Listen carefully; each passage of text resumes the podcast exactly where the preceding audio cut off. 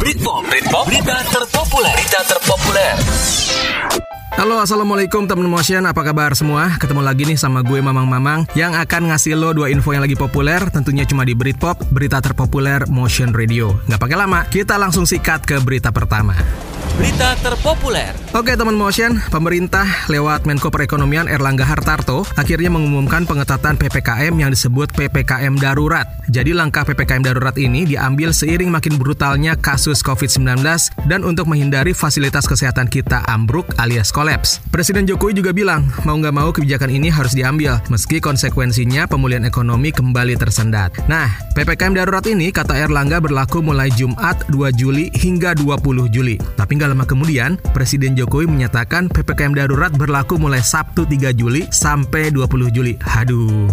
Namun yang pasti ya, Presiden Jokowi udah menunjuk Menko Bidang Maritim dan Investasi Luhut Binsar Panjaitan sebagai koordinator PPKM darurat. Nah, PPKM darurat ini akan diterapkan di seluruh Pulau Jawa dan Bali. Alasannya, karena Jawa dan Bali ini punya 44 kabupaten dan kota, serta 6 provinsi yang nilai asesmennya cuma 4. So, kata Pak Jokowi, perlu ada treatment atau penanganan khusus yang sesuai dengan standar penilaian dari WHO. Targetnya dari PPKM darurat ini adalah menurunkan penambahan kasus harian menjadi di bawah 10 ribu. Terus, pembatasan mobilitasnya gimana nih? Ya, secara garis besar pembatasannya sama kayak kemarin-kemarin. Bedanya kini makin diperketat aja. Kayak sekolah, semua kudu online alias daring. Nggak boleh tuh ada yang nekat tatap muka. Terus untuk perkantoran non-esensial harus WFH alias kerja di rumah 100%.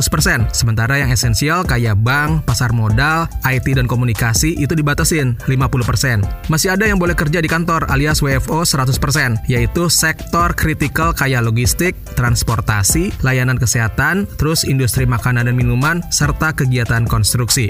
Nah, bagaimana nih dengan mall sama pusat perbelanjaan? Pak Luhut udah ngusulin ditutup aja, kecuali pasar swalayan, pasar tradisional. Boleh buka sampai jam 8 malam dengan kapasitas 50%. Restoran atau tempat makan juga boleh buka, tapi dilarang makan di tempat. Yang mau beli ya kudu bungkus atau take away. Terus untuk seluruh tempat ibadah yang ada di zona merah diusulkan untuk ditutup. Begitu juga untuk fasilitas umum kayak taman, tempat wisata, kegiatan seni budaya, olahraga, dan kegiatan sosial masyarakat untuk sementara ditiadakan atau ditutup. Yang mau gelar resepsi nikah atau sunatan masih boleh, tapi tamunya maksimal 30 orang. Kalau menurut gue nih, yang pada mau nikah mending saat pandemi ini deh. Lo nggak mesti keluar uang banyak buat sewa gedung, catering, ina-inu lah. Duit yang lo tabung buat nikah, ya buat masa depan lo sama pasangan. Beli rumah kek, investasi emas kek, saham lah. So, selamat menjalani PPKM darurat ini teman motion. Tetap patuhi prokes, kalau nggak penting-penting banget, ya jangan keluar rumah lah ya. Eh, jangan lupa vaksin lo pada yang belum.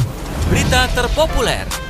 Alright, teman motion, Britpop selanjutnya dari sepak bola nih, tepatnya dari ajang Euro 2020 yang udah sampai ke 8 besar. Jadi 8 tim akan bentrok di babak perempat final yang akan berlangsung mulai Jumat 2 Juli sampai Minggu 4 Juli. Perempat final pertama Jumat 2 Juli jam 11 malam waktu Indonesia Barat akan mempertemukan tim kuda hitam Swiss dengan tim kuat Spanyol di Saint Petersburg, Rusia. Selang beberapa jam kemudian, yaitu Sabtu 3 Juli jam 2 dini hari, final kepagian terjadi di Football Arena Munich antara Belgia kontra Italia. Pertandingan selanjutnya Selanjutnya masih di hari Sabtu tanggal 3 Juli yaitu jam 11 malam waktu Indonesia Barat antara Ceko yang akan bertemu dengan juara Piala Eropa 92 yaitu Denmark di Baku, Azerbaijan. Dan selang 3 jam berikutnya di Minggu 4 Juli jam 2 dini hari, Ukraina akan meladeni kandidat juara Inggris di Olimpico Roma. Empat tim yang lolos dari perempat final akan bertemu di semifinal yang semua partainya akan berlangsung di Wembley London pada 6 dan 7 Juli. Begitu juga dengan partai final Euro 2020 yang akan berlangsung di Wembley pada 11 Juli. Nah, kalau di dilihat dari lokasi semifinal dan final nih,